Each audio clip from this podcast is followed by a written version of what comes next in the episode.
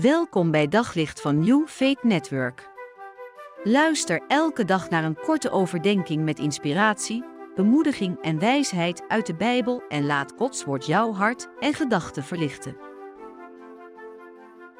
Als je verdiept in de Bijbel en in sommige Bijbelteksten, dan, eh, dan, dan kom je soms teksten tegen die, die je verwonderen of die je verbazen.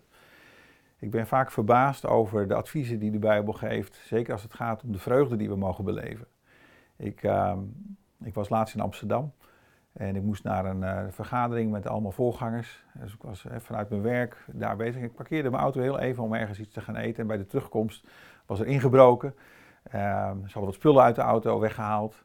En, ehm, en, en, ik was zo goed bezig, met alle goede dingen bezig. En ik denk, hoe kan dat nou? En ik was oprecht een beetje, een beetje teleurgesteld, een beetje boos. Uh, dat zijn ook wel momenten, en ik heb meer van die momenten gehad in mijn leven, dat ik dacht van, maar waar waren die engelen dan? En dat zijn best opmerkelijke momenten. En toch, ook op zulke momenten dat je iets meemaakt waarvan je denkt van, hoe kan dat nou? Waarom maak ik dat mee?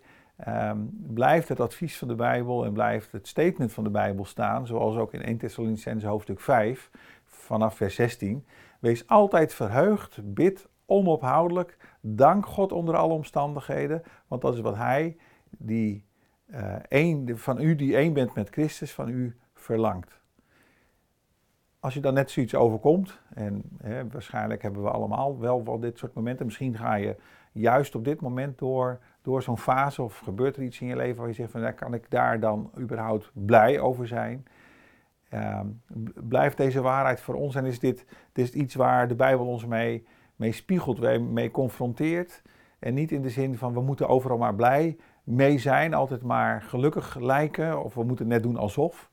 Maar wat God van ons verlangt is dat we gelukkig zijn. En dat, gelukkig, dat geluk en die, die blijdschap zit niet in de omstandigheden om ons heen. Zit hem niet in, in de vraag of, of het lastig is als iemand ziek is of dat er iets gebeurt in je leven waar je, waar je eigenlijk geen weg mee kan. Dat is niet waar de vreugde vandaan komt. De vreugde die God wil geven zit in het perspectief van het leven wat Hij ons wil aanbieden. En dat, dat is een leven veel verder dan het leven hier. En natuurlijk wil God ons hier zegenen. Natuurlijk wil God ons hier blij maken, wil dat we gelukkig zijn. En tegelijkertijd is het geen Bijbels model dat we meegaan met de maakbaarheid van deze maatschappij, waarin alles goed gemaakt moet worden. Het leven komt met gebreken. We leven in een maatschappij waar gebreken zullen zijn en er ook altijd zullen zijn. En als ze er niet zijn door een ander, zijn ze wel door mij. Dus daarom wil ik je vandaag ook dit meegeven als aanmoediging. Wees altijd verheugd en als dat niet lukt, bid onophoudelijk. Dank God voor de dingen die wel goed zijn, die, waar je wel blij van wordt. Dan zul je merken dat het een groot verschil maakt op deze dag. Op zoek naar nog meer geloof, hoop en liefde.